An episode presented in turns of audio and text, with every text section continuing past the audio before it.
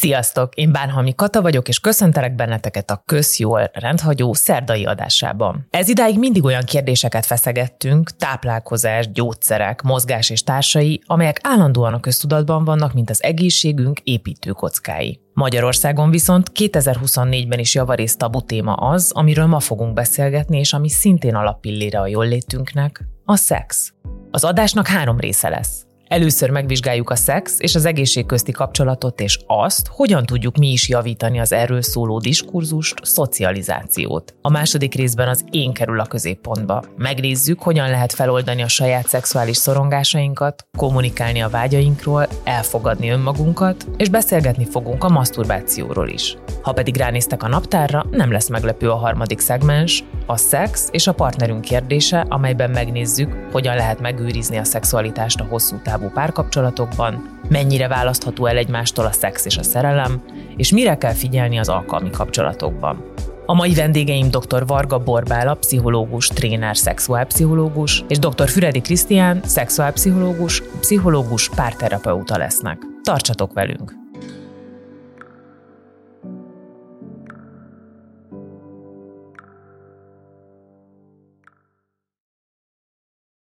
Szeretettel köszöntelek titeket. Először téged, Boris, szia! Sziasztok, sziasztok! És üdvözöllek nálunk téged is, Krisztián. Szia, sziasztok! Hogyan járul hozzá a szex a jól létünkhöz? Egyáltalán mit értünk szex alatt? A mennyiséget, a minőséget, vagy a gyakoriságot? Ti, amikor azt mondjátok, hogy szex és egészség, vagy a szex az egészség része, mire gondoltok pontosan? Én ezt a WHO egészség definíciójához szoktam egy kicsit hasonlítani, ugye, ami abban áll, hogy az egészség nem csak a betegségek és a idézőjeles fogyatékosságoknak a hiányát jelenti, hanem azt, hogy az adott személy harmonikusan, elégedetten és kiegyensúlyozottan éli az életét. Ez ugyanígy vonatkoztatható a szexualitásra is, tehát, hogy nem csak a szexuális funkció zavarok hiányát, hanem az, hogy az adott ember férfi vagy nő, vagy egy, egy pár megéli azokat a társas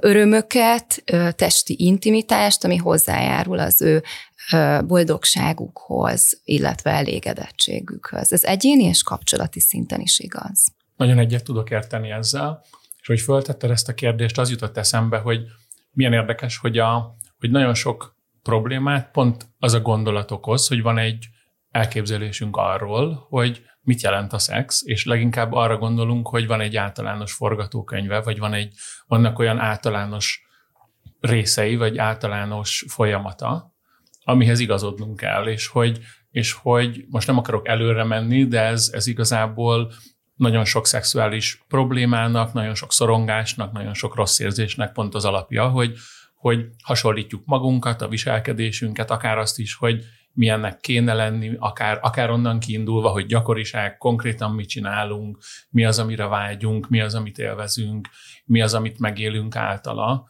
hogy ennek van egy nagyon mély belső, belső személyes folyamata, de közben meg van egy olyan gondolatunk, hogy igen, ezt valahogy kell csinálni, valahogy ez szokott lenni, valahogy ezt meg szokták élni az emberek, vajon ahogy ezt mi szeretnénk, az az hasonlít ehhez, vagy amit tudunk nyújtani a párunknak, vagy amit tudunk megélni, vagy, vagy, ö, vagy tenni ez ügyben, az, az elfogadható, szerethető, vonzó-e a másiknak. Szóval, hogy ez egy ilyen nagyon, nagyon nagy, nagy kérdéskört és témaköröket nyit meg ez a kérdés, hiszen, hiszen pont ez az egyik, ami, ami, ami nagyon sok szorongást és félelmet hoz, ami viszont ilyen paradox módon éppen gátja annak, hogy felszabadultan tudjunk lenni a, a saját szexualitásunkkal. Nekem nagyon tetszett a, a, a folyamat szó. Tehát az, hogy egy kicsit úgy tekinteni rá, mint akár egy belső, akár egy ilyen kapcsolódási utazás a saját testünkkel, a lelkünkkel, másokkal, és hogy ennek a, az útja a, a, a, lehet a szexualitáshoz való kapcsolatunk. Azt tudjuk, hogy a szex tabu témaként kezelése az rengeteg kárt okoz a helytelen védekezéstől kezdve a pornóból tanulásig, és nem is az a kérdésem, hogy miért tabu a szex, hanem az, hogy hogyan bontjuk le ezt a tabut. Tehát hol van elcsúszva a szex témaköre Magyarországon, és hogyan tudunk ezen javítani? Azt gondolom, hogy azért ez egy szép történelmi múltra tekint vissza. Konkrétan hallottam már így egy olyan esetet, egyébként ez nálunk családon belül, egy ilyen 80 kötője száz évre tekintsünk vissza, hogy az ifjú házas pár, ugye akkor még abszolút nem volt divat az, hogy a szexualitásról bármilyen szinten is felvilágosítást kaptak volna a fiatalok, akár a szülőktől, akár oktatási intézményekben, tehát ez a felfedezés per helyzetből gyakorlati úton tanulás volt ez, ami jellemezte ezt az időt és az a történet keringett egy családtagomról annó, illetve személyesen egyébként ő osztotta meg velem ezt a történetet, hogy akkor, amikor ő férjhez ment, akkor fogalma sem volt arról, hogy mi az a szex hogy mi fog vele történni.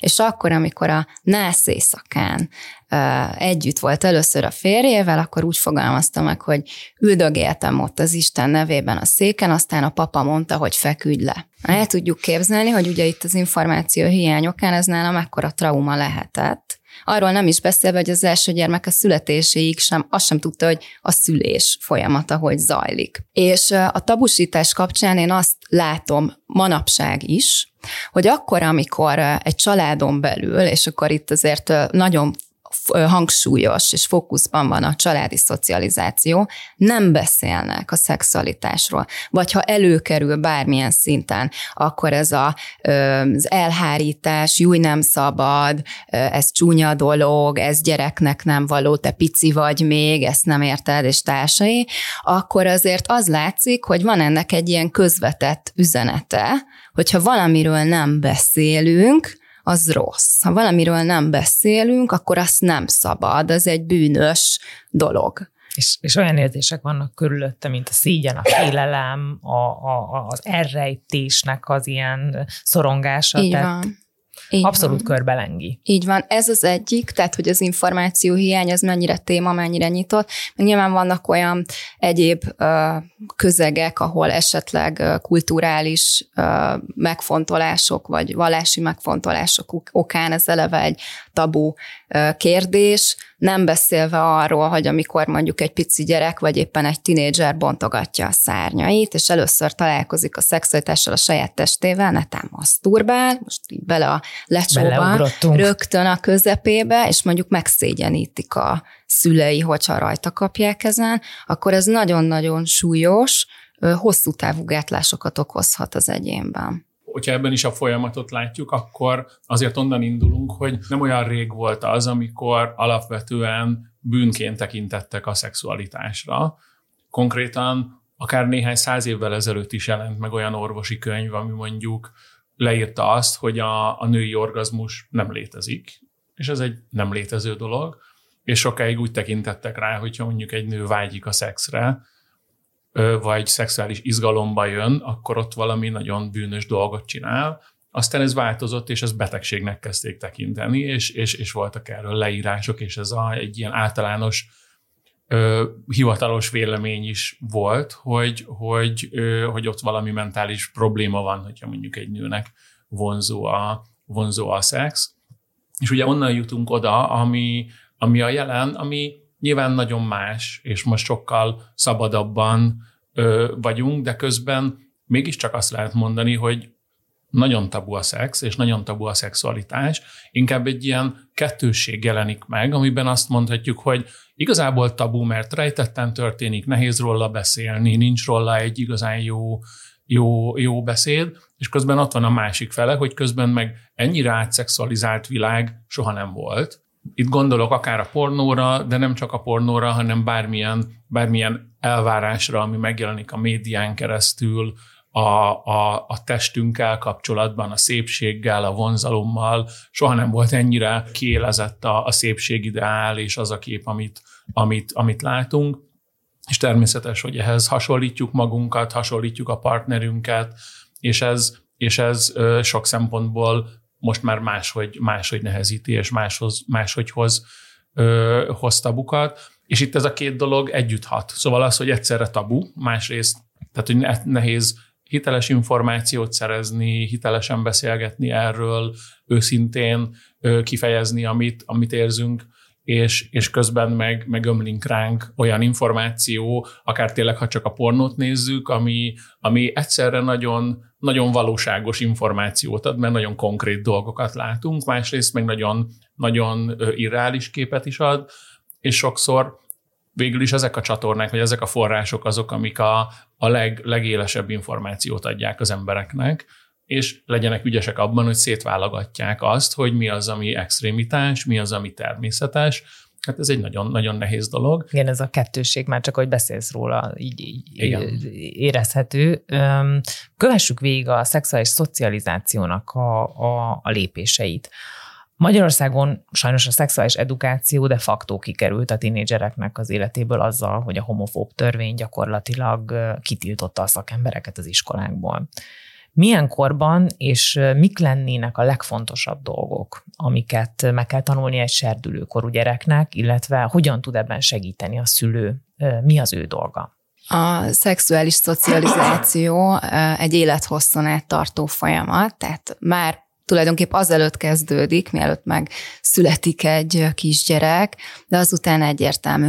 Ennek vannak természetes lépései, állomásai, mindig attól függ, hogy ez az adott gyermek mennyi idős, mik azok az információk, amik neki relevánsak. Például most egyet kiragadok, egy, van ez az úgynevezett bugyi szabály, ami azt jelenti, hogy egy három-négy éves kisgyerek már jó, ha tudja azt, hogy ami a bugyi alatt van, az intim, oda idegen ember nem nyúlhat, hogyha oda nyúl, vagy akar nyúlni valaki, akkor azt jelezni kell egy felnőttnek, és a többi. Akkor ugye utána nyilván jó, hogyha egy gyerek meg tudja határozni az ő nemi identitását, tehát ez ilyen szempontból is egy cél, tehát kisfiú vagyok, vagy kislány vagyok, és akkor ugye szépen a, a kor előre haladtával mindig újabb és újabb ö, információk azok, amik bekerülnek ebbe a képbe. Családi, meg szülői szempontból én azt gondolom, hogy nagyon fontos a nyitottság, és hogyha felmerül egy kérdés egy gyerekben, akkor arra nagyon fontos válaszolni, és nyilván az ő életkorának megfelelően. Tehát én nem azt mondom, hogyha egy hat éves vagy nem, öt éves gyerek megkérdezi azt, hogy hogy készül a kisgyerek, akkor az a jó mód arra, hogy most itt nagyon expliciten, nyíltan leírja azt a szülő, hogy mi a szex, mi annak a folyamata, de mondjuk azt el lehet mondani, hogy te úgy jöttél a világra, vagy úgy, úgy teremtettél, hogy anyukád és apukád nagyon szerették egymást, szorosan összebújtak egymással, és így fogantál meg te. Tehát, hogy mi az a szint, ami egy gyereknek fontos, de tényleg nem érdemes ezt elkerülni, vagy netán, ugye ahogy a tabukról beszéltünk, tabusítani, vagy bűntudatot kelteni a, a gyermekben. Nagyon fontos lenne az intézményi szexuális szocializáció is. Azért itt az elmúlt években, ha végignézzük, volt, meg szerintem valamelyest védőnők által így úgy amúgy van is egyfajta ö, szexuális edukáció, de nagyon fontos kiemelni, hogy ez egyáltalán nem szexpozitív. Tehát itt kizárásos alapon legalábbis ahogy én emlékszem, de nem hallottam eddig nagyon más példát erre. Ugye arra hívják fel a, a tinédzsereknek a figyelmét, hogy miért fontos védekezni, nem kívánt terhesség, nemi betegségek és társaik, abortusz, ugye, mint egy ilyen fő fókusza ezeknek az előadásoknak, de arról már kevésbé szól a fáma, hogy egyébként hogyan érdemes belefogni a szexet, hogyan lehet jól szexelni macska körömben. Tehát, hogy mik a szexualitásnak a szép és pozitív aspektusai.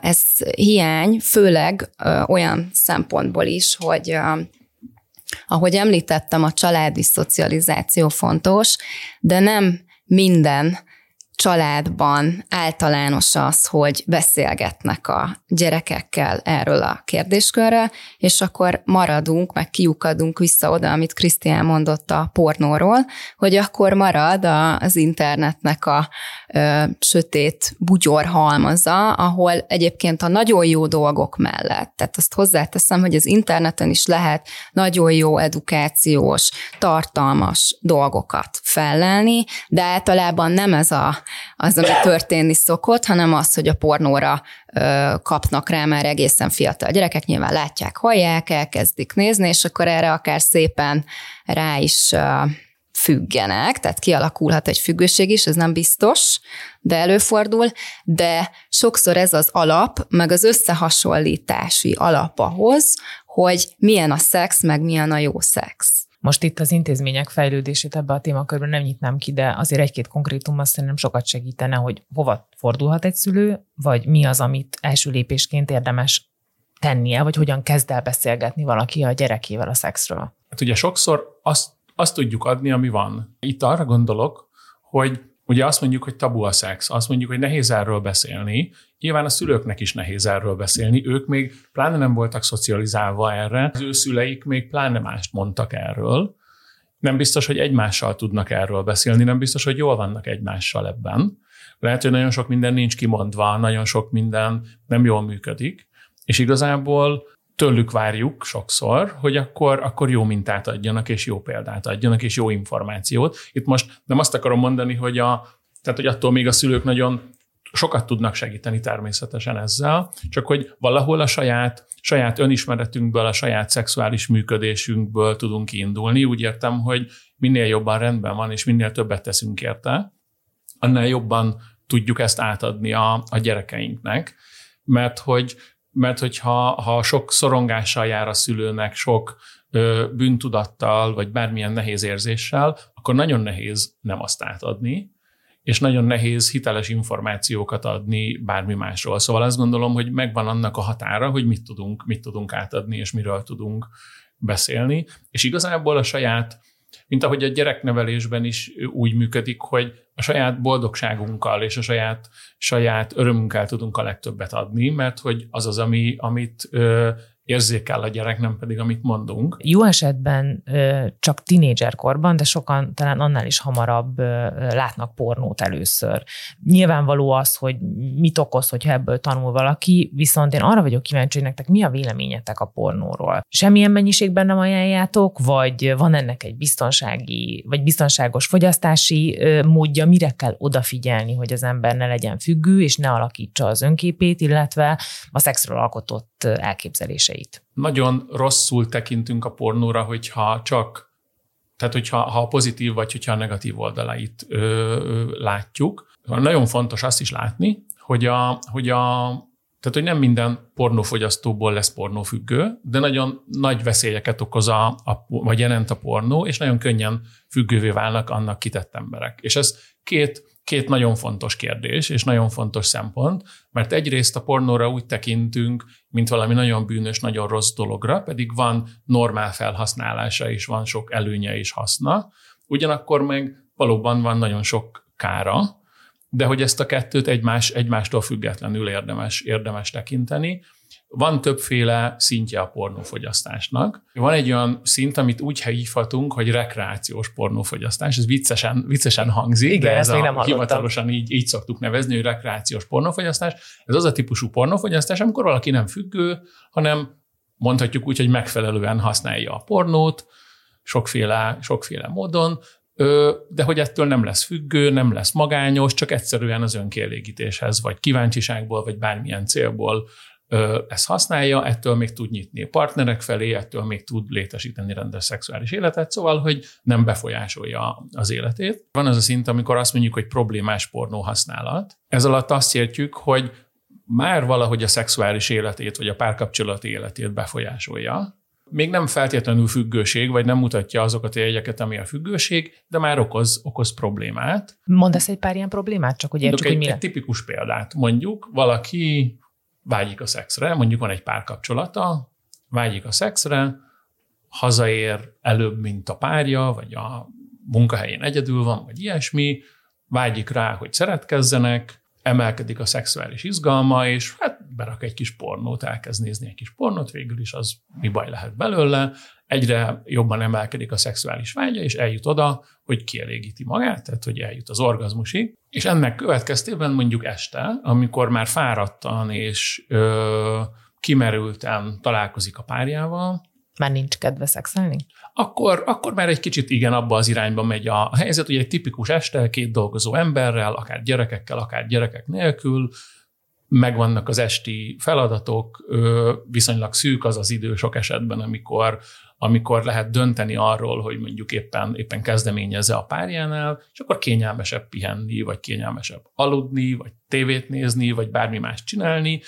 Nincs meg az a vágy, mert mondjuk levezette a pornóval, nincs meg az a vágy, ami, ami, ami pont elindítja azt, hogy milyen jó lenne egy érintés, egy ölelés, egy csók, nem is konkrétan akár egy szexuális vágy, csak egy olyan közelség, ami, ami ezt, ezt meghozza, vagy akár egy direkt kezdeményezésnek a motivációja, amivel sok minden verseng, mert verseng a fáradtság, verseng a stressz, versengenek a feladatok, vagy egy jó film, vagy nem tudom, nagyon sok minden, és annak a vágynak át kell ütnie azt a határt, azt a szintet, hogy mondjuk abból egy, egy kezdeményezés legyen, ami mondjuk lehet, hogy rendben meg is történne, de lehet, hogy két órával azelőtt éppen kielégült az illető, és akkor már csökkent ez a motiváció, és ez még egy-egy esetben nem is jelent feltétlen problémát, mert túléli ezt a párkapcsolat, csak lehet, hogy akkor másnap újra ugyanez megtörténik, meg harmadnap és, és sokatszor, és akkor, akkor az a, a párkapcsolat látja a kárát, a közös szexuális élet, a közös intimitás látja ennek a kárát. Ez már persze súrolhatja a, a függőségnek a határát, de hogy ez még nem igazi függőség, ezért mondjuk, hogy ez egy ilyen problémás pornó használat, amikor egyszerűen nem tanultunk meg élni még a pornóval, nem érezzük azt, hogy ennek milyen markáns hatásai vannak, és hát ha mondhatom így, rosszul használjuk. Adott esetben ez mondjuk történhet úgy is, hogy az illető, mondjuk egy férfiról beszélünk, akkor mégiscsak kezdeményezeste, mert mégiscsak valami miatt ezt szeretné, az intimitás miatt, a vágy miatt, és mondjuk nincs merevedése. Mert hogy éppen kielégült nem olyan régen, meg fáradt is, meg nem tudom, nincs merevedése, nem érti, hogy ez miért van. Most ez így meglepő ebben a kontextusban, hogy erről beszélünk, de mondjuk nem kapcsolja össze a pornóval, most mi összekapcsoljuk, mert így vezettem föl, tehát most itt triviális, de egyébként nem biztos, azt érzi, hogy hú, ha nincs merevedésem, van valami baj, nem kívánom már a párom. Hát nem is annyira kívánom. Vagy a, vagy a, vagy a párja érzi azt, hogy, hogy nem annyira vonzódik hozzá, hiszen, hiszen nincs merevedése, vagy bármi gondolata jön, és akkor másnap mondjuk érzi a szexuális vágyát, megtapasztalja, hogy jé, hát a pornó az meghozza a merevedést, akkor én biztos már, már már, már nem is kívánom őt, vagy már nem is olyan jó ez a kapcsolat, és akkor elviszi egy, egy rossz irányba, és ez sok, sok problémát okoz. És akkor, hogy, hogy, hogy a, legsúlyosabbat nézzük, amikor pornófüggőségről beszélünk, nagyon sokszor ö, valamilyen érzelme, érzelemnek a tompítására, valamilyen fájdalomnak, vagy valamilyen rossz érzésnek a tompítására használja az ember a pornót. Ugye a pornó nagyon összetett, és erről megint csak lehetne nagyon sokat beszélni, de csak egy mondatban, ugye egyszerre hoz egy nagyon nagy megnyugvást. Azért hoz megnyugvást, mert mondjuk van egy stresszes helyzet, vagy van egy mélyebb fájdalom, vagy egy szomorúságérzés, magányosságérzés, bármi, sok, sok egyéb, ami, amit nem szeretünk. A pornó egy olyan markáns inger, amit, hogyha nézünk, és szexuális izgalmunk van közben, hát nem a, nem a magányosságunkra, vagy a fájdalmunkra, vagy a bármire gondolunk, hanem kikapcsolunk abból egy nagyon jó kilépés abból, a, abból az élményből, abból a fájdalomból, bármi is legyen az, és ezért ez megnyugtató, és úgy tud megnyugtató lenni, hogy közben izgalmas. Nehéz olyan egyéb dolgot találni az életbe, ami megnyugtató is és izgalmas is, és közben még, még egy szexuálisan érdekes és újszerű inger, és, és most nagyon sok oldaláról nem beszéltünk a pornónak, amit olyan speciális módon meg tud adni, amit semmi más. És akkor ebben könnyen, könnyen beleragadnak az emberek, és hogy ez pont ez a tompítás miatt, pont amiatt, hogy ez tényleg egy függőség, ezért már nem kezdeményeznek kapcsolatot, vagy, vagy elromlik a párkapcsolat, vagy nem is jön létre, akár odáig jutnak emberek, hogy hát kicsit elkésnek a munkahelyről emiatt, vagy akkor aznap már nem mennek be, vagy akkor már elveszítik a munkájukat. Most itt, itt, itt azért a nagyon, nagyon durva esetekig lehet, lehet ezt továbbvinni, ami már tényleg függőség. Pornó használatnál az is egy érdekes kérdés, hogy ugye ez egy nagyon nagy túlingerlés. Nagyon általános útja, módja van annak, amikor valaki problémás pornóhasználó, vagy már inkább pornófüggő, hogy önmagában az, amikor elkezdi keresni azt a tartalmat, ami neki tetszik, tehát amíg ott böngészi az oldalakat, az már, tehát az még néha arról számolnak be, hogy izgalmasabb, mint az maga, amikor megnézi a tartalmat. Tehát már azzal iszonyatosan megemeli az ő... Azzal, hogy keres? Azzal, hogy keres az ő inger küszöbét, majd utána megnyit általában egymás mellett, nem tudom, 5-6-10 ablakot pornófilmet. Elindítja a pornót, hogyha nem tetszik az adott film, vagy unalmassá válik, akkor nagyon szépen belepörget. Ugye általában ezek a pornó nézés közbeni önkielégítések nem arról szoktak szólni az esetek többségében, hogy ezt elképesztő módon elhúzzák az adott személyek, hanem ugye minél gyorsabb, intenzívebb kielégülés az, ami, ami megtörténik. És ha már itt tartunk, ez viszont nagyon súlyos szexuális problémákhoz is vezethet. Ugye Krisztián már említette a merevedési problémát, megint csak nyilván ez egy olyan túlingerlés, amit a valóságban nehéz lekövetni. A másik ö, pedig ugye akár itt a korai magömlés is egy ilyen dolog lehet, hiszen szó szerint hozzászoktatta akár tinédzser korától, vagy a szexuális szocializáción keresztül magát az ember, hogy hip-hop minél gyorsabban, erősebben, intenzívebben, tehát hogy ez egyfajta ilyen tanulási folyamat is. És azt szeretném még ezt hozzátenni, hogy ahogy Krisztián is említette már, az nagyon fontos ilyenkor, hogy az adott személy életében a pornónak mi a funkciója mi az a funkció, amit betölt, és azzal már azért lehet utána bőven dolgozni, mert ritkábbik eset az, amikor azt halljuk, hogy ez csak a, a vágy meg az izgalom levezetésére szolgál. Illetve még egy fél mondatot a pornó közvetett hatásairól is mondanék. Az egyik az, hogy gyakorta hallani, hogy férfiak ugye a pornóban látott módon óhajtanak a saját párkapcsolatukban is szexualitás, vagy szexet, szexuális viszonyt létesíteni. Na most ez ugye itt megint egy olyan kérdés, hogy nem feltétlenül válik szét a fejekben, hogy a pornó az egy alkotás, egy művészet, amit színészek játszanak egy forgatókönyv alapján és vágnak, és a valóság, ahol nem egy pornószínésznő, hanem egy húsvér érző ember dolgozik az ügyön. És a másik fontos közvetett hatás pedig azt hiszem, hogy talán mindenhol érződik, és látszik a, a social media platformokon keresztül, akárhol, hogy a pornóban megjelenő testkép alapján gyakorta látunk nagyon-nagyon intenzíven kisminket, mély dekoltás, ilyen-olyan töltések, tehát meg, meg szépítő funkció, tehát ugye ez is, ha egy kicsit jobban utána nézünk, akkor, akkor nem lehet nem észrevenni a hasonlóságot. A pornóban megjelenő általános női alakok és a, a, a, az irány között, ami ugye így megjelenik a hölgyek esetében. Hogyan definiáljátok a szexuális tudatosságot, érettséget, és mik azok a sarokkövek, hogy így ezt a nagyon sok mindent, amit elmondtatok, egy picit a gyakorlati oldalra lefordítsuk, hogy mik azok a sarokkövek, amiket mindenkinek tudatosítania, tisztáznia kellene magában ezzel a témával kapcsolatban? Én azt gondolom, hogy itt a szexuális tudatosság alatt azt értjük, vagy jó, ha azt értjük, hogy az adott személy tisztában van a saját preferenciáival és vágyaival. És sokszor nem olyan magától értetődő, mint ahogy most én ezt mondom. Én gyakran rákérdezek erre, hogy, hogy mi, a, mi a kliensek, mik a klienseknek a konkrét szexuális vágyai, és érdekes, hogy van, aki meghökken, és nem tud erre a, a kérdésre választ adni, mert Hát nem tudom, nincs, nincs. Férfiak egyébként gyakrabban tudják ezt sokkal explicitebben, egyértelműen megfogalmazni. Még nőknél van, amikor ez kisebb problémába ütközik. Na most kérdés az, hogy és akkor hogyan tudatosítsam ezt, hogyha, hogyha nem tudom. Hát figyelem saját magam. Tehát, hogy ez azért a szexuális önismeretnek a része, figyelem magam abban az adott helyzetben, és ami itt még egy másik kulcskérdés, az a szexuális fantázia hogy, hogy elkezdem azt monitorozni, hogy nekem milyen szexualitással kapcsolatos gondolataim vannak, vagy mi, mi, mi egy olyan kósza gondolat, vagy akár inger, ami engem ér, és bennem vonzalmat, vágyat kelt és a szexuális önismeret része az is, amikor azt is tudatosítom, hogy mik a határaim, és mi az, amit nem szeretnék. Tehát, hogy ez, ez legalább olyan fontos tényező, akármilyen nyomás és minden ellenére. Tehát gyakorta látunk olyat, hogy mondjuk páron belül az egyik fél mondjuk akkor nem tudom, vegyünk egy olyan példát, hogy az egyik fél nagyon szeretne anális szexet, mert szerinte ez egy alapját képezi a szexualitásnak, azt most abban ne is menjünk bele, hogy vajon ez honnan jön ez az elképzelés, mert ezt átbeszéltük már, de hogy az az alapja, és mondjuk a hölgy fél, vagy, a, vagy az a fél, aki, aki nem tudom, a másik résztvevője lenne ennek, kifejezetten óckodik a kérdéstől.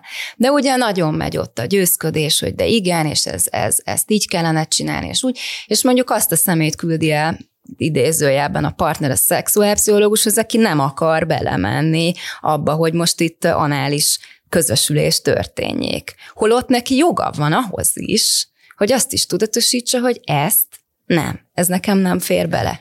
Ugyanakkor az is fontos, hogy a határainkat, meg a, a, a, a felfedezésünket egy picit így ö, nyitogassuk, tehát hogy a szárnyainkat, meg, meg nyitottak legyünk valamelyest az újdonságokra is, de természetesen bizonyos keretek, a saját kereteinken belül. De itt valahogy így a vágyak mellett abszolút bekapcsolódik a kommunikáció, mert talán az sem mindegy, hogy, hogy ha valakinek ilyen vágyai vannak, azt hogyan és mikor tárja a másik elé, az már éppen milyen állapotban van, tehát valószínűleg azért ez is befolyásolja ezeknek a dolgoknak a kimenetelét, vagy az elzárkózást.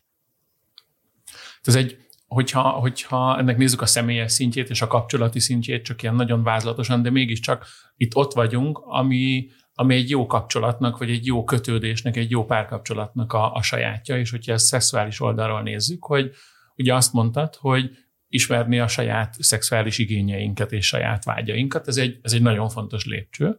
Egy kapcsolatban pedig nagyon fontos bízni abban, és tudni azt, hogy én kifejezhetem a vágyaimat, a másik ezt jól fogja fogadni, a másik egyáltalán kíváncsi erre, és jól tud ehhez kapcsolódni, akar ehhez kapcsolódni, tudva azt, hogy a másik meg tudja húzni a határait, szóval úgy tud ehhez kapcsolódni, hogy a saját határaival együtt kapcsolódik, és fordítva is tudva azt, hogy a másik ismeri az igényeit, ki tudja fejezni az igényeit, és bízik abban, hogy én akarok törekedni arra, hogy abba az irányba tudjunk menni, de én is ki tudom fejezni a határaimat. Tudtok mondani egy-egy olyan konkrét példát, hogy az emberek milyen problémákkal mennek szexuálpszichológushoz, hogy talán itt egy kicsit ezt is közelebb hozzuk, hogy mi az a pont, ahol, ahol vagy mik a leggyakrabbi esetek, amikor valaki hozzátok fordul?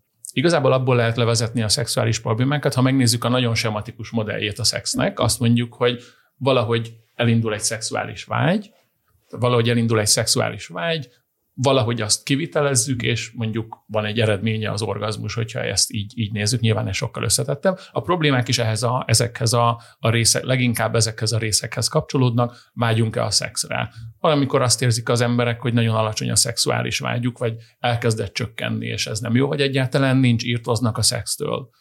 Vagy van egy pár, ahol, ahol nagyon eltérő a szexuális vágy. Ugye ez egy, nincs egy objektív mérce, hogy mi a jó szexuális vágy, mennyire kell erre vágyni de ha nagy a különbség, az nehéz, vagy hogyha érzi valaki, hogy ez, ez túl kevés, vagy túl sok, nagyon intenzív és nagyon ilyen hiperszexuális módon működik valaki. Szóval ez az első fázis. A második, hogy kivitelezhető a szex. Most ez ilyen nagyon technikailag ez mit hangzik, de mégis a konkrét problémákkal jönnek hozzánk azért sokszor az emberek, mert hogy azt érzékelik, és akkor konkrétan van-e merevedés, van-e nedvesedés, meg tud-e történni az aktus nagyon praktikus módon, és végül eljutnak-e az orgazmusig, ami azt jelenti, hogy, hogy nagyon gyorsan történik az orgazmus, nagyon hosszú idő alatt történik, nagyon ritkán, vagy soha nem történik meg. Ugye ezek mind, mind különféle problémák lehetnek, ezek a különféle orgazmuszavarok, amik, amik vannak, illetve van egy negyedik kategória, ami, ami az ilyen szexuális fájdalomzavarok, amikor mondjuk a, a női hüvely nagyon feszes, nagyon össze van húzódva, és képtelen, ezért képtelen a, a behatolásra, vagy akár egy tampon felhelyezésére, vagy ilyesmi, vagy bármilyen fájdalommal jár a, a, a szex, illetve hozzátehetünk egy ötödik kategóriát, amiről egy kicsit már beszéltünk, a, a szexuális függőségek, aminek az egyik része a pornófüggőség, de ez, ez sokféle lehet, ami közben meg nagyon hasonló de hogy, de hogy vannak szexuális függőségek. Mi az, amit tanácsoltok a kommunikációban? Uh-huh. Uh-huh. Hát ugye ez, ez nagyon alapvető, mert sokszor ott áll vagy bukik a dolog, hogy a két vagy több fél tud-e egymással hatékonyan kommunikálni arról, hogy mik a vágyak, mik az elakadások, mit, szeret, mit szeretnének. És ugye én most, hogyha itt ilyen kontextuális szinten ragadom ezt, meg azt szoktam mondani, hogy a, most nagyon konkrétan a szexualitással kapcsolatos kommunikációnak is vannak szintjei. Ugye ha azt mondom, hogy kommunikáció, lehet, hogy sok embernek az jut eszébe, hogy a szexről való beszéd, de ez közel sem így van, meg nem csak így van, hanem azért a szexualitásban bizony sokszor néha fontosabbak azok a nonverbális üzenetek, per én ráutaló magatartásnak szoktam ezeket nevezni, amivel nem ilyen nagyon expliciten mondom a páromnak, hogy most mit szeretnék, mit nem, hanem úgy irányítom az ő kezét, figyelek a másik visszajelzéseire, hogy, hogy ő mondjuk, hogy sóhajt, vagy, vagy ilyen apróságok alapján, és ugye ebben is ezt is lehet tanulni. Tehát, hogy hogy adok nonverbálisan visszajelzést a partneremnek, vagy hogy fejezem ki a, az igényeimet, és nyilván ennek van a verbális szintje, amikor el is mondom szóban, hogy, hogy én mit szeretnék, vagy, vagy mi az én elképzelésem. Hát itt fontos a tiszta és nyílt kommunikáció, de persze ez ennek az asszertív változata. Tehát semmiképp nem az a cél, hogy én ráerőszakoljam a másikra az akaratomat, hanem beszélgessek vele arról, hogy nekem van egy ilyen gondolatom, neki erről mi a véleménye, és hogyha van ebben esetleg egy kis ütközés, akkor tudunk-e valamilyen kompromisszumot találni, tudunk-e nyitottak lenni a próbálkozásra. Egy példát hagy mondjak erre a nonverbális részére a dolognak, tehát mondjuk ha van egy nagyon egyszerű és sarkított történetet fogok most itt mondani, ha mondjuk van egy pár, aki szeretné egy kicsit felpesdíteni a szexuális életét, és nem mindig csak otthon a hálószobában, az ágyban egymáshoz érni, meg, meg szexuális aktust folytatni, és mondjuk bevillan az egyik fél fejébe, hogy elmentek egy kirándulásra, és hú, de szívesen félreállna egy, nem tudom, szép elhagyatott mezőre az autóval, és akkor ott egy kicsit romantikáznának a partnerre, akkor nyilván van annak módja, hogy már olyan tekintettel, vagy hozzányúl egy kicsit, megsimítja, kacsint egyet, kinek mi, tehát most így nagyon lebutítom ezeket a dolgokat, de hogy nem azt mondom, hogy figyelj ide, kicsim, leparkolok itt az autóval, a szomszéd mezőn aztán úsgyi, hanem, hanem ugye ráutaló magatartással, per egyéb nonverbális gesztusokkal viszem az események sorát a felé, amire mondjuk én vágyom. És akkor persze nézem a partner visszajelzéseit, hogy ő erre most hogy reagál. Sokszor nehéz az, hogy elfogadunk ilyen társadalmilag elvárt szerepeket, és van nagyon sok, most ebben erre megint nem térnék ki, de mondjuk a férfi szexuális szerephez, a női szexuális szerephez nagyon sok mindent kötünk és volt egy, egy pár nálam, akinél egy, mindegy, egy folyamat, hosszas folyamat során eljutottunk oda, hogy a férfinek megvolt az a teljesen klasszikus képe saját magáról, hogy egy férfi szexuálisan mindig aktív, mindig tetrekész, mindig vágyik a szexre, és nagyon gyakran kezdeményez, és szeretett volna egy kapcsolatban ennek a képnek megfelelni, ezért nagyon aktívan kezdeményezett.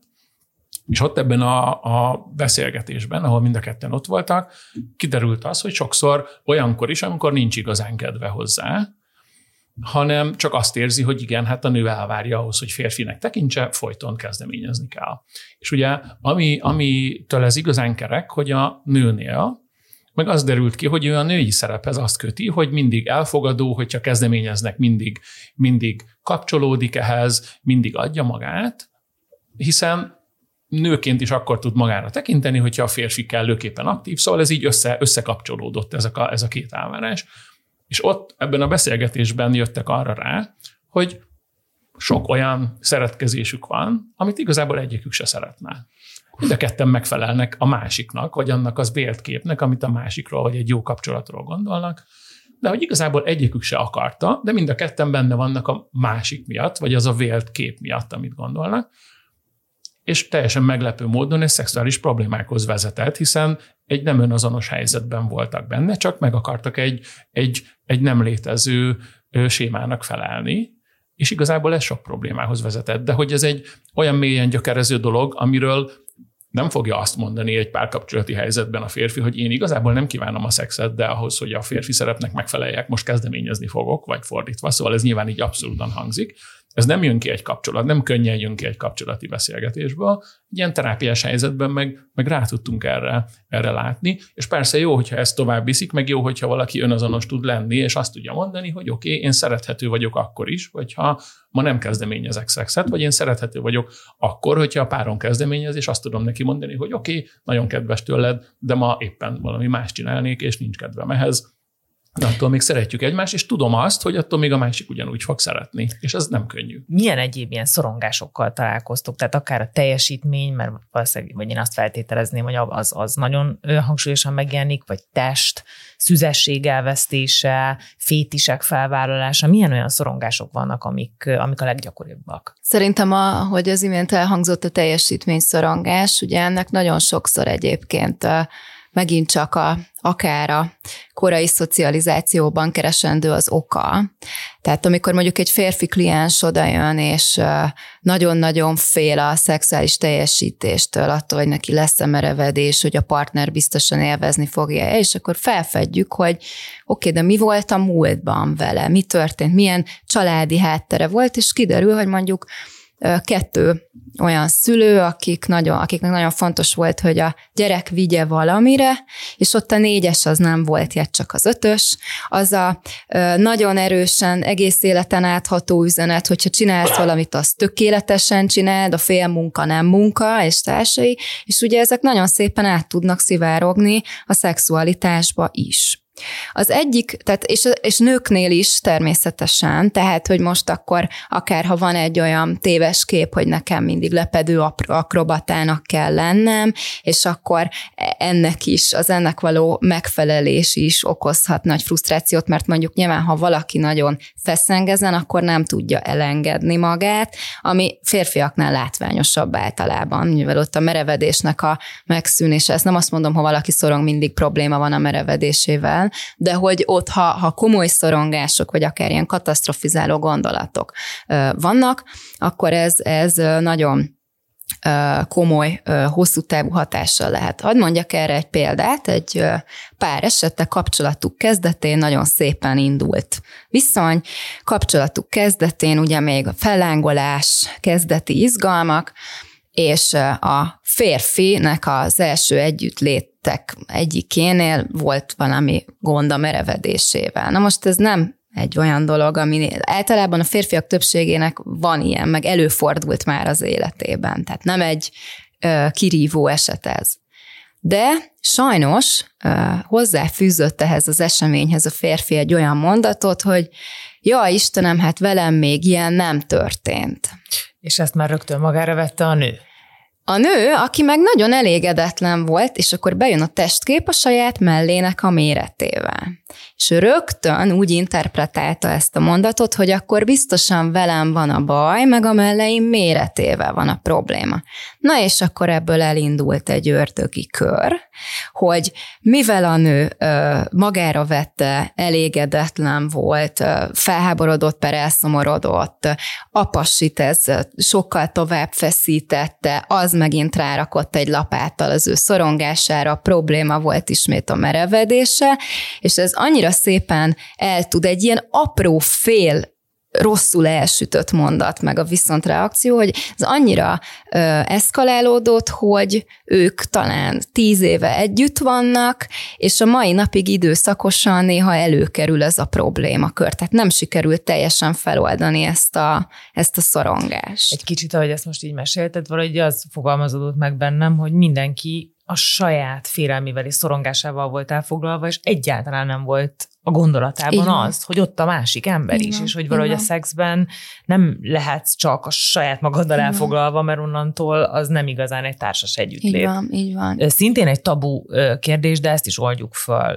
Mi a szerepe a maszturbálásnak a szexuális egészségben, és hogy mit tanácsoltok, mennyit és hogyan legyünk magunkkal? Hogyha most nagyon, nagyon ilyen teoretikusan akarjuk nézni, akkor igen, egyrészt fontos, hogy az emberek megismerjék önmagukat. Hogyha valaki nem tudja, hogy pontosan mi az, ami konkrétan fizikailag örömet, orgazmust okoz számára, akkor egy új párkapcsolatban, vagy egy első kapcsolatban, vagy bármilyen szexuális helyzetben könnyen várja a másiktól, és könnyen, könnyen gondolja azt, hogy majd ezt a másik tudja, de hát a másik honnan tudná, vagy hát tudhatja, de azért nem biztos, hogy mindenki egyformán működik, nem biztos, hogy az az egyéni ráhangolódás, az a nagyon személyes út, ami, ami mindenkinél egyedi, azt a másik így valahonnan tudja nyilván, ez így, ez így irreális, ez az egyik oldala. Tehát, szex, tehát a szexuális önismeret, annak egy útja a maszturbáció. Igen, igen, szóval ezt, ezt nehéz a másiktól várni, vagy ez sok, csalódáshoz vagy kudarchoz vezet, amikor, amikor valakinél ez tiltva van, és azt gondolja, hogy igen, a szex az tabu, az önkielégítés az tabu, és mondjuk egy, nem tudom, házasságban meg nem tabu, vagy egy bármilyen helyzetben nem, és akkor ott hirtelen nagyon jó lesz, miközben fogalma sincs, hogy mi az, ami, ami, ami kellemes számára, és mi az, ami a személyes út. Ez az egyik, egyik olvasata ennek. Másik meg, amit kérdeztél, hogy, hogy mi az, ami sok, vagy mi az, ami... Ugye itt azért azt mondhatjuk, hogy a szexben sokszor szeretjük ilyen mennyiségi, mennyiségi dolgokhoz kötni azt, hogy mi az, ami oké, okay, vagy káros, vagy, vagy nem oké. Okay. És itt nyilván eszünkbe jut a függőség, eszünkbe jut sok minden, és a, se a pornófüggőségnél, se a szexuális függőségnél, se a, a túlzott maszturbációnál nem egy mennyiségi mennyiségi határról beszélünk. Szóval nincs egy olyan szám, amire azt mondjuk, hogy az már túl sok, hanem az a kérdés, hogy miért történik. Hogyha az tényleg a személyes öröm miatt történik, és az valakinek jó, akkor, akkor rendben van, nincs olyan, nincs olyan mennyiség, amitől ez káros lenne. Nyilván, hogyha ez már fizikai károsodást okoz, hogyha ez elzárja a személyt a párkapcsolatok kialakításától, ha ezért nem tanul, nem megy iskolába, nem megy dolgozni, mások előtt csinálja, másokat veszélyeztet vele, nem tudom, akkor az rossz, de nem önmagában a mennyiség miatt, mert nincs egy ilyen mennyiség, ami, ami sok lenne egy párkapcsolatban. Ugye ez egy nagyon kényes kérdés, hogy ennek mennyire van helye egy párkapcsolatban, ez sokszor kérdezik. Még egy kapcsolati intimitásban is, egy párkapcsolatban is azért van egy személyes szexuális terünk, és hogy sokféle okból történhet éppen önkielégítés egy, szexuál, egy, egy párkapcsolati helyzetben, a legklasszikusabb példa, amikor valakinek intenzívebb a szexuális vágya, mint a másiknak, és ezzel kiegyensúlyozza, tehát van egy ilyen mennyiségi, mennyiségi igénye, ami, ami így oké lehet. Van olyan, amikor arról számolnak be emberek, hogy mondjuk az önkielégítés egy más típusú szexuális élmény, és rendben van a párjukkal, és elegendő a párjukkal, és nincs semmi kielégítetlen igényük, de néha kellemes és jól esik, és egy más típusú szexuális élmény, és hogyha ezt a párkapcsolatban jól tudják kezelni, akkor miért hagyná ezt ki, vagy miért, miért fosztaná ettől meg magát. És közben meg, meg ugye ott van a másik oldala, és azért mondom, hogy ez egy nagy skála, hogy igen, közben, hogyha ha valaki ezzel vezeti le a szexuális igényét rendszeresen, és azért nincsen kapcsolati intimitás, nincsen, csökken a szex, pedig lenne rávágya a másiknak, vagy, vagy kevésbé van, és könnyebb ebben levezetni, és azért nem találják meg egymáshoz az utat, akkor viszont ez egy, ez egy nagyon, nagyon rossz út, és nagyon, nagyon rossz irányba viszi a szemét is, és a kapcsolatot is. De itt is nem a mennyiségi, vagy nem, a,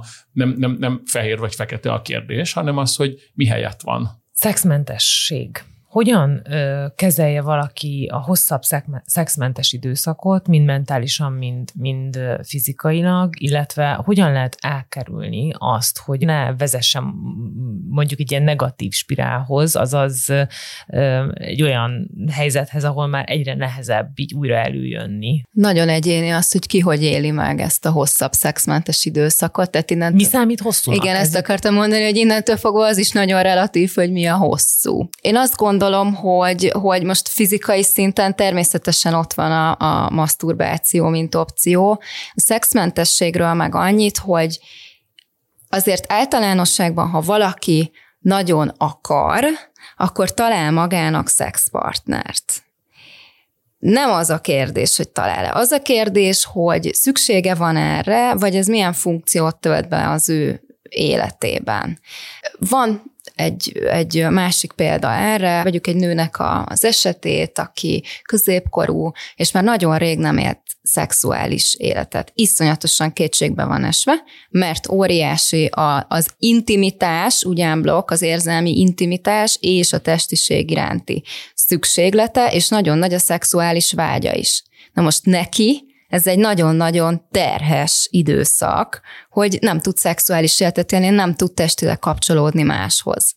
Viszont mondjuk ez átfordulhat egy olyan ö, megrögzött lehetőségkeresésbe, hogy bárki, aki szembe jön, bármilyen lehetőség, aki szembe jön, teljesen mindegy, hogy ez az illető éppen egy, egy olyan valaki, aki megbízhatatlan, vagy veszélyes ember, vagy, vagy felmerül annak az esélye, hogy akár ez egy traumát fog okozni az adott személynek, mégis ilyen megrögzötten keresi a lehetőségeket. Hát, hogy itt azért azt is érdemes mérlegelni, hogy szexmentes időszak, oké, de mit szeretnék, ott van idő arra, hogy elgondolkozzak azon, hogy mit szeretnék kezdeni az életemmel, hol szeretném megélni a szexualitásomat.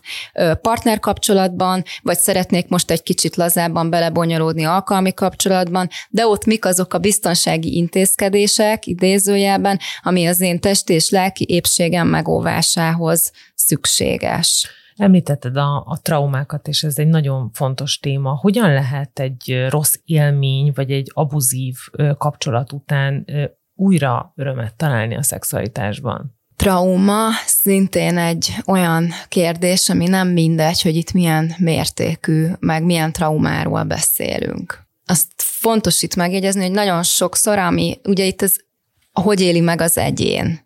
Nagyon sokszor egy olyan a közvélemény számára apróság is lehet egy személynek nagyon traumatikus megélés, és ebben nagyon fontos, hogy ezt hitelesítsük, hogy ő mit él meg ebből a, ebből a vagy ebben az értelemben. De hogy itt is érdemes elmenni egy szakemberhez első körbe, és át, átbeszélni, hogy, hogy egy Ez, Aha, ez attól függ, tehát ugye vannak olyan személyek, akik reziliensek, ellenállóak, és úgy látszólag, vagy nem csak látszólag, szépen túljutnak, akár komoly szexuális ö, abúzuson, ö, zaklatáson, gyerekkori molesztáláson is, és mondjuk ez nem okoz látszólag különösebb problémát mondjuk a szexuális életében. Ő nem biztos, hogy szakembert fog felkeresni. Van, akinek igen, visszaköszönnek ezek a dolgok, és mondjuk kicsit érettebben önismereti szempontból azt mondja, hogy még nem beszélt erről senkinek, de nyomja a lelkét, és szeretné helyére tenni ezeket a dolgokat. Hát ez nagyon-nagyon változó, meg ennek tényleg a mértékés. Tehát vannak olyan súlyos esetek azért, ahol, ahol mondjuk egy mélyebb, komoly pszichoterápiás munka is szükségeltetik. Az biztos, hogy komolyan kell venni a traumákat, azt is, amit egy adott személy traumának él meg, és ezt semmilyen körülmények között nem szabad elbagatelizálni. Van egy ilyen mondás, hogy kapcsolatban sérülünk, és kapcsolatban gyógyulunk, ami nagyon, nagyon igaz, hogy, hogy nyilván az emberi kapcsolatok sok fájdalmat okoznak, de közben az, a jó emberi kapcsolatok meg nagyon-nagyon gyógyítóak. Sokszor az a nehéz, hogy pont egy traumatizált élmény, vagy bármilyen mélyebb személyiségben lévő probléma pont gátja annak, hogy jól tudjunk kapcsolatba kerülni valakivel. És nagyon sokszor a traumatikus élmények, azok az érzések, amiket ezek hoznak, azok újra gyártják saját magukat, hogyha nagyon nagyon egyszerűen csak megélte valaki, hogy elhagyják, vagy gyerekkorában nem voltak biztonságosak a szüleivel való, nem volt biztonságos a szüleivel való kapcsolat, vagy bármilyen komoly veszteség érte, akkor lehet, hogy nagyon, nagyon tartózkodó lesz a, a mélyebb kapcsolatoktól, hogy nehogy elveszítse azokat, vagy az első kísérre inkább ő lép ki ebből a helyzetből, hogy nehogy megtörténjen vele, ez most csak egy nagyon, nagyon általános példa. És ugye ezek a helyzetek azért nagyon nehezek, mert itt egyszerűen a, a saját rossz érzései a, okoznak gátat abban, hogy, hogy egy jó kapcsolatban jól érezze magát. Nem szándékosan csinálja, hanem egyszerűen ezek az élmények így, így dolgoznak benne, és nagyon fontos ilyenkor szakember segítséget kérni, miközben nem könnyen látszik az, hogy éppen egy, egy trauma vagy bármilyen, bármilyen nehéz, nehéz emlék van van valami mögött, szóval, hogy ez nem mindig egyértelmű. Persze vannak olyan traumák, amik megtörténnek, és úgy nagyon látszik, hogy traumák, és úgy tudjuk, de hogy azért nagyon sokszor nem. Illetve azért a traumáknak van egy párjuk, amire, tehát hogy a trauma az egy konkrét helyzet, ami megtörténik, de vannak úgynevezett mérgező helyzetek, ami nem egy kiugró nehéz helyzet, hanem egy olyan életszakasz, amikor valamilyen nagyon mérgező, nagyon rossz közegben vagyunk, nem tűnik föl, hiszen egy hete, vagy egy hónapja, vagy egy éve is abban voltunk, és sokáig tartott, és nem tudjuk, hogy, hogy ez nem volt oké, főleg gyerekként, hát azt gondoljuk, hogy mindenkinek ilyen, ilyen az élete, és ott már nincs egy egyértelmű tudásunk arról, hogy ott történt valami, és nem biztos, hogy tudjuk egyáltalán, hogy ez okozott, okozott valamit, csak azt érezzük, hogy a kapcsolataink, vagy a, hogyha most a témán elmaradunk, a szexuális életünk nem úgy működik, ahogy, és ilyenkor nehezebb erre, erre rávilágítani, és emiatt szakemberhez fordulni. Sok szempontból, akár szexuális pszichológusként, azzal a tünettel találkozunk, ami ebből következik. De hogy mögötte lehet egészen, egészen sok minden. Térjünk rá a kapcsolatokra. Mennyire kell szerintetek összefüggenie a szexualitásnak a szerelemmel. Tehát mennyire rossz vagy jó társadalmi berögzülés az, mennyire van alapja? Nekem tetszik ez a párosítás, szóval én, én, én vevő vagyok erre.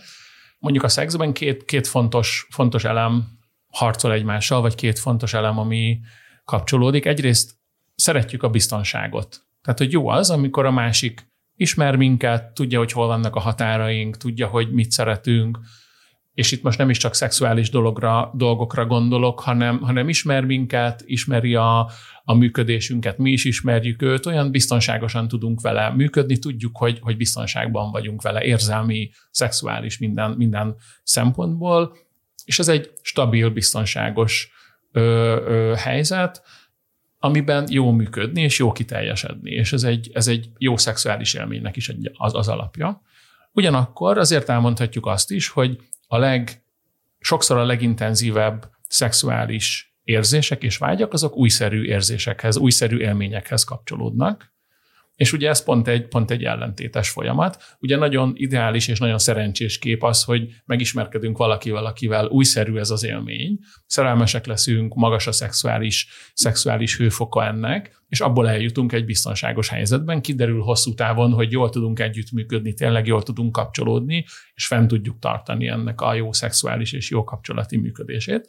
Most ugye, amikor ezt, ezt így kérdezett, hogy ez összefügge, nyilván ez egymástól függetlenül is tud működni, ennek sok előnye és sok, sok hátránya lehet. És akkor már itt a következő kérdés rögtön adja is magát, egy szex tartós párkapcsolatban meddig tart ez a kezdeti tűz, és hogyan hat a szexuális életünkre, hogyha tartósan ugyanaz a szexuális partnerünk?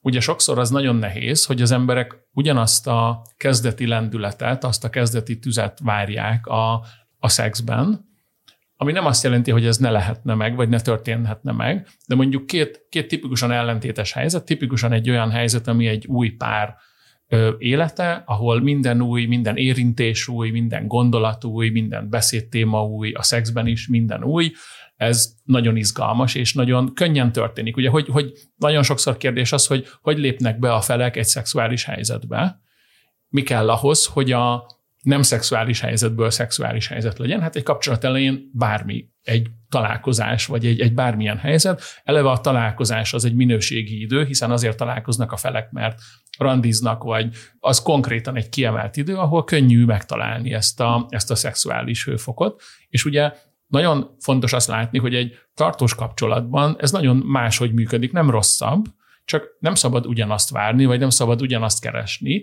mert míg egy kapcsolat elején egy randi az egy izgalmas, kitüntetett helyzet, egy hosszú kapcsolatban, ahol este együtt töltik az időt, mert együtt élnek, ott nem lesznek ilyen kiugró pillanatok. És ugye nagyon sokszor azt várják a felek, hogy, hogy, hogy ugyanaz a pillanatnyi hirtelen izgalmas élmény megjelenik, de mitől jelenne meg, hogyha együtt élnek mindig. És ez egy nagyon nagy feladat, vagy nagyon fontos dolog, hogy, hogy, hogy ezt át tudják formálni, hogy kérdezted az igényeket, hogy beszéltünk az előbb az igényekről. Nyilván a, a kapcsolat elején nagyon aktívak ennek a kifejezésében, meg a, ebbe az irányba, míg egy, egy tartós kapcsolatban, hosszú távon fontos tudni jól beszélni a szexről, és jól fontos közösen kialakítani annak az útját, hogy ez hogy történik meg, mert hogy nem spontán, bár ugye itt a spontaneitás mítosza, ami nagyon, nagyon nehezíti ezt a helyzetet, hogyha egy kapcsolatban is azt várják, hogy ez spontánul megtörténjen, akkor nem biztos, hogy ez könnyen megtörténik, míg hogyha közösen tudnak ezért tenni, tudják. Tehát, hogyha megvan az a közös gondolat, hogy a szex az jó, amikor szeretkezünk, akkor jól érezzük magunkat, tudunk és jól tudunk egymással szeretkezni, az egy jó tevékenység, akkor tegyünk érte, hogy ez, hogy ez megtörténjen. És ugye itt van az, hogyha azt várják a felek, hogy egy átlagos napban majd ez úgy spontán megtörténik, akkor könnyen eltelnek a napok anélkül, hogy ez megtörténne. Míg hogyha azt mondják, hogy oké, okay, szánunk erre időt, megvan az a tudásunk, hogy hogy hangolódunk rá, mert ugye ez most nem egy ilyen direkt dolgot, vagy nem csak egy ilyen direkt dolgot jelentene, jelenthet, hogy akkor most szeretkezzünk jó, és akkor szeretkezünk. Ez is sok párnál működik. De hogyha tudják azt, hogy mi az a tevékenység, mi az a helyzet, ami jól ráhangolja őket, és tesznek azért, hogy, hogy, hogy ez megtörténjen, akkor ez rendszeres tud maradni, és igazán tartós és biztonságos és építkező tud lenni. Hogyha azt várják, hogy ez olyan spontán legyen, mint az elején, akkor nagyon könnyen elveszik, És ez, hogyha ez csalódást jelent, és hogyha ennek olyan értelmezése van, hogy akkor már nem annyira szeretik egymást, vagy nem annyira vonzódnak egymáshoz, akkor az, az könnyen elrontja ezt az egészet. Borita, hogy látod ezt a, ezt a kérdést, hogyan hat a szexuális életünkre, hogyha hosszú távon ugyanaz a partnerünk? Egyrészt nyilván előny, hogy nagy az ismeretünk a partnerről. Ugyanakkor ez, ugye, hogy Krisztián is mondja, visszájára is el tud sülni, hogy tulajdonképp már rutinossá is kell válni. Ezért nagyon fontos ebben is a, a tudatosság, hogy, hogy fedezzünk fel újdonságokat, és ne kényelmesedjünk bele ezekbe a dolgokba. Tehát igenis munka, mint minden emberi kapcsolatnak a fenntartásához és virágoztatásához, ugyanígy ez a szexualitásra is igaz, szükséges a befektetett energia és munka. Mi az, ami megöli a szexualitást? És hogyan lehet ezt uh-huh. újraéleszteni? Uh-huh. Hát nagyon sok minden hozzájárulhat ehhez, ugye általában ez nem egy ilyen egy ok, hanem... Milyen hanem jó lenne, hogyha tudnánk mondani igen, egyet, hogy egyet. ez öli meg, ezt ne csináljátok, és amúgy minden mehet. Igen. Számos tényező összejátszhat ugye itt ebben a kérdésben. Egyrészt akár az egyéneknek az aktuális egyéni élethelyzete, tehát hogy ott van-e valami bármilyen magánéleti, munkahelyi vesztességgel kapcsolatos kérdés. Aztán a párkapcsolati dinamika, tehát hogy az a pár abban az adott periódusban hogy van egymással. Hát amikor mondjuk egy ilyen hullámvölgyben van egy kapcsolat, akkor az gyakorta előfordul, hogy az nagyon markánsan meglátszik a szexuális életükön is. Aztán ilyen a közöny például, amikor ugye a két fél tulajdonképp közönyösé válik a másik iránt, nem érdeklődik az ő szükségletei, jóléte, boldogsága, öröme iránt, és nem csak szexuális, hanem mondom, akár itt ugye itt párkapcsolati értelemben is. Az egy nagyon fontos kérdés, ha kialakult egy ilyen dinamika, hogy nem nyúlunk egymáshoz. Mert hogy lehetnek hosszabb, rövidebb időszakok, de ha már megölődött igen, ez, ez a... akkor gondolom élethelyzetek is vezethetnek. Persze. Gyerekvállalás, abszolút. gyász, egy csomó abszolút, olyan dolog, ami, bizony. Ami... Bizony, bizony. De ha már eljutottunk arra a pontra, hogy megölődött, vagy már nagyon a végét járja ez a dolog, akkor gyakran van egy ilyen kialakult dinamika, mint egy ilyen jól betokosodott rendszer, hogy nem jó, nem jó, de biztosan stabilan rossz cserébe. Az első kérdés ez, ebből van kiút? Igen, és, és akkor itt mindig az a, még mielőtt, mert hogy erre egyértelmű válasz sincs, igyekszünk azon, hogy legyen kiút, de hogy a kérdés az mindig az, ha már kialakult ez a betokosodott, szinte kimozdíthatatlan dinamika, akkor mi az, ami hozzájárul ennek a fennmaradásához? És itt mindig rendszerben érdemes tekintenünk ezekre a helyzetekre. Tehát nagyon nehéz ezeket feloldani úgy, hogy csak az egyik, vagy csak a másik félnek a, a befektetése munkája szükséges ehhez. Mondok erre egy példát. Szexuális funkció zavarral érkezik mondjuk egy férfi kliens, ami úgy fest, mintha ez az ő megoldandó kérdése lenne, de mondjuk ez már olyan kapcsolati ö, problémákat vagy távolodást okozott a szexualitásban, hogy bele se kezdenek a dologba. A hölgy partner elégedetlenkedik. Ha véletlenül van szex, akkor a férfi úgy éli meg, hogy ez inkább egy teszt, hogy na, fejlődtél-e már, mentél-e már valamire itt az egyéni gyakorlások, meg, meg egyebek mentén. De mondjuk, amikor a férfi szeretne kezdeményezni, akkor mindig azt a választ kapja, de ez oda-vissza működhet, hogy soha nem jókor kezdeményezzel, soha nem találod meg azt a pontot. De ugye érezzük, hogy már itt van egy olyan ellenállás, és akkor ez mind a két fél irányába kialakíthat egy olyan elkerülést, hogy jó, meg sem próbálok, mert nem akarok csalódni, mert nem akarom kitenni magam az elutasításnak. Ez kicsit így a, a felelősségvállalás. Persze, áttolom a felelősséget. rá, hogy akkor ezt ő rosszkor rosszul csinálja, és emiatt nem megy, és, és egyébként, nincs jó vége. Igen, és egyébként is az ő baja is oldja meg ő, Na itt azért ezt nagyon fontos megjegyezni, hogy ez realitásokat tekintve nagyon kis esélye fogja tudni ő megoldani egyedül, ha a partnerétől, vagy ha a partnere nem tanúsít olyan empatikus, türelmes hozzáállást, meg egyáltalán nyitottságot a, a, az adott fél irányába. Tehát, hogy ez egy ilyen nagyon-nagyon komplex és összetett kérdés, de ha már párkapcsolatról beszélünk, egy párkapcsolaton belüli szexuális problémáról, vagy a szexualitás megszűnéséről, akkor azon két embernek a közös munkája szükséges ahhoz, hogy azon segítsünk alkalmi kapcsolatok, hogyan lehet egészségesen olyan viszonyokat felépíteni, amiben így a szex a prioritás? Mik azok a, a nem tudom, hüvelykúj szabályok, amire érdemes odafigyelni, hogyha valaki alkalmi kapcsolatokba megy? Én biztos, hogy erre rögtön a testi, lelki biztonság kérdését emelném ki. Tehát egyrészt fontos azt tudatosítani, hogy én jól vagyok-e azzal lelkileg, hogy alkalmi kapcsolatom van. Nekem ez kielégítő-e fizikailag, vagy pszichésen, vagy sérülök-e belőle. Tehát, hogy azért látunk olyat, hogy mondjuk valaki látszólag nagyon rendben van azzal, hogy alkalmi kapcsolatom van, és mondjuk belekerül egy ilyen szituációba, mégis rosszul érzi magát. Utána itt ugye megint beszélhetünk ilyen korai szocializációs, meg eleve társadalmi sztereotípiákról, akár az alkalmi kapcsolatok vonatkozásában. A biztonság kapcsán a védekezés az hogyha már ilyen nagyon konkrétumok szintjére bontjuk le ezt a kérdést, ez egy nagyon fontos dolog, tehát azért, meg az is, hogy ki az a, ki az a fél. Tehát alkalmi kapcsolat is, ugye beszélhetünk itt akár egy ilyen nagyon standard alkalmi, akkor ismertem meg, azt sem tudom ki az, együtt vagyok vele, és búcsút intek neki típusú dologról, meg beszélhetünk akár egy ilyen viszonyról is, hogy alkalmanként két ember, aki egy picit valamelyest ismeri egymást, ezen a téren jól együttműködnek, és, és, és tudnak ilyen szinten egymásnak örömet okozni, ez is egy, egy más kérdés. A nyitott kapcsolatokat is nyissuk ki egy kicsit. Talán sokan hallottak már olyan történeteket, hogy valaki nyitott kapcsolatban él, tehát nem kizárólagos a kapcsolat, hanem van egy társuk, férjük, feleségük, és mellette vannak szexuális, van egy szexuális partnerük, vagy vannak szexuális partnereik, akár hosszabb kapcsolataik.